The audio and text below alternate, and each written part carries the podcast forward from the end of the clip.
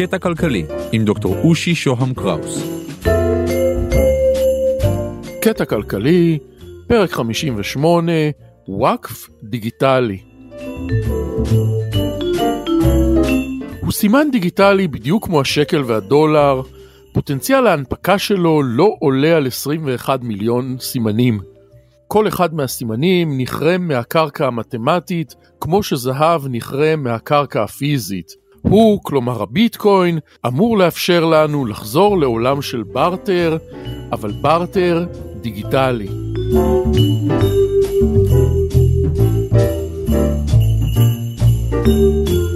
שלום, כאן דוקטור רושי שוהם קראוס, והיום על הבלוקצ'יין, הפלטפורמה שבתוכה חי הביטקוין. אבל נתחיל בכפר המדומיין שלנו שבו מתרחש סחר חליפין ללא כסף. דיברנו על זה כבר. אני יכול לתת ליפתח חפץ והוא ייתן לי חפץ אחר תמורתו. הטרנזקציה הזאת פרטית ואנונימית, היא לא עניינו של אף אחד.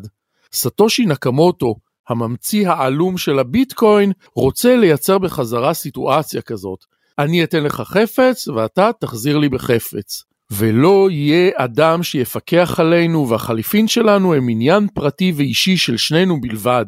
אבל מה קורה כשהחפץ הוא חפץ דיגיטלי? או יותר נכון סימן. כאן זה כבר הרבה יותר קשה ומביא אותנו לבעיית המאזן. תראו, העברה של סימנים דיגיטליים מוגבלים זה דבר לא פשוט. הרי סימן דיגיטלי, מהטבע שלו ניתן לשכפול ללא הגבלה, וכסף הוא סימן שאסור לשכפל אותו בלי הגבלה. הערך שלו ירד לאפס מיד. אז מה עושים? האפשרות הקלאסית היא האפשרות של המאזן המפוקח. בבנק שלי יש חשבון, ובו אלף שקלים. כלומר, במאזן של הבנק רשום המספר פלוס אלף, תחת השם דוקטור רושי שוהם קראוס. עכשיו, כדי להעביר ליפתח כסף, אני צריך לתת הוראה לבנק. אתן לו הוראה להעביר ליפתח 100 שקלים, הבנק יקבל את ההוראה ויראה במאזן שלו אם יש תחת השם שלי מספיק סימנים דיגיטליים. כלומר, מעל 100 נקודות כאלה המכונות שקל. ברגע שהתשובה חיובית, הבנק יעביר את הנקודות הדיגיטליות לבנק של יפתח, ויפחית במאזן מהחשבון שלי 100 נקודות. אשאר עם 900 נקודות. נניח שהייתי רוצה להעביר ליפתח 2,000 נקודות, הייתי מעביר לבנק הוראה להעברה, אבל הבדיקה הייתה מראה שאין לי מספיק נקודות וההוראה הייתה חוזרת. אם זה ככה, מה הבעיה? עד כאן זה נשמע מעולה. למה שלא נפעיל ככה את הביטקוין? הרי ביטקוין כמו שקל הוא סימן דיגיטלי. העניין הוא שמייסד הביטקוין רוצה לשמור על אנונימיות. הוא לא רוצה את הפיקוח של הבנק ולא רוצה את העיניים שלו נעוצות בתוך המאזן שלי. אם זה ככה, הבעיה היא כזאת. איך מייצרים מאזן שמצד אחד לא מאפשר שכפול בלתי מוגבל של הנקודות הדיגיטליות המכונות ביטקוין, ומצד שני, איך זה שהוא מאזן שאף אחד לא מפקח עליו. על זה שברו את הראש לא מעט אנשים חושבים שהיו מאוד להוטים להמציא כסף אנרכי דיגיטלי חלופי, ואת הפתרון יצר סטושי נקמוטו.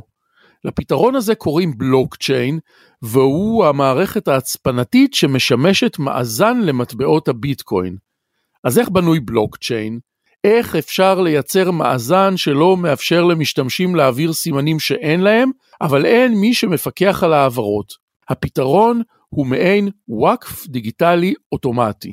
נניח שיש לי 100 מיליון שקל ואני רוצה להוריש אותם לעם היהודי. אני רוצה שייבנה מוזיאון להיסטוריה יהודית. עכשיו יש כאן בעיה, העם היהודי הוא בעלים מאוד מוגבל. למשל, הוא לא יכול לבנות את המוזיאון כי אין לו ידיים ורגליים לערבב מלט. וגם אין לו חשבון בנק שממנו הוא יכול להעביר כספים לאלה שכן יוכלו לבנות בפועל. הוא גם לא יכול לשלם חשבון חשמל. אין לעם היהודי חשבון בשום מוסד פיננסי. אז מה אני עושה? אני יוצר הקדש, וואקף. אני מוריש את הרכוש שלי לבעלים החדש האבסטרקטי, כלומר לעם היהודי, אבל ממנה קבוצת אנשים שבשכר תטפל ברכוש שלי ותנצל אותו למטרות שאני הגדרתי. ולפי ההיגיון הזה פועל הבלוקצ'יין. בואו ננסה להסביר ממש ממש בקטנה. בואו נדמיין 100 אלף איש. האנשים האלה הם אנשי הוואקף של מערכת הביטקוין. כל אחד מהם מוריד למחשב שלו תוכנה, את תוכנת הביטקוין. התוכנה פועלת בתוך המחשב של כל אחד מהם בלי שהאדם יצטרך לעשות משהו. היא פועלת באופן אוטונומי. לבעל המחשב אין שום מושג על התהליכים האלגוריתמיים שמתנהלים בתוכה. התוכנות במחשבים של 100 אלף האנשים האלה מחוברות לרשת ומתקשרות אחת עם השנייה. בכל אחת מהתוכנות מצוי מאזן כל הביטקוינים שקיימים, כלומר רשימת המזהים האנונימיים של כל אדם שיש לו ביטקוין, ולידו כמות הביטקוינים שברשותו. המאזן בין כל 100 אלף התוכנות זהה. כאשר מתעדכן משהו באחד המאזנים, באחד מ-100 אלף המחשבים, מתעדכנים כולם מיד.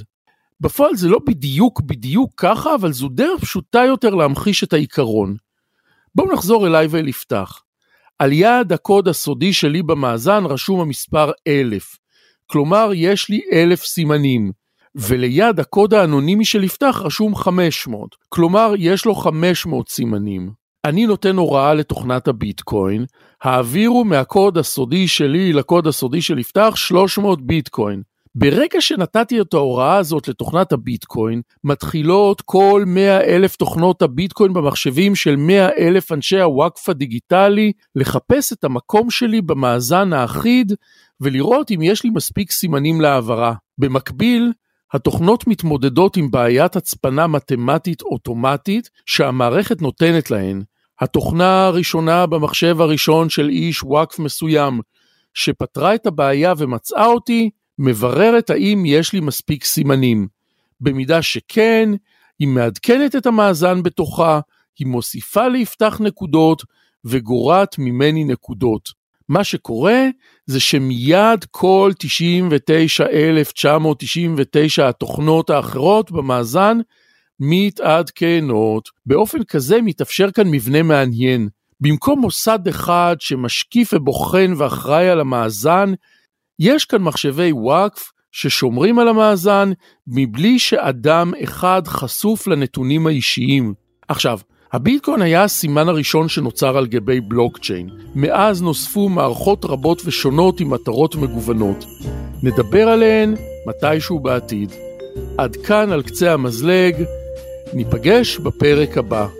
אני מרצה ומייעץ בתחומי הפודקאסטים, תוכלו לכתוב לי ל-050-8898322, לכתוב לי גם לאושי את אושי.co.il או ללינקדאין שלי באנגלית, דוקטור אושי שוהם קראוס.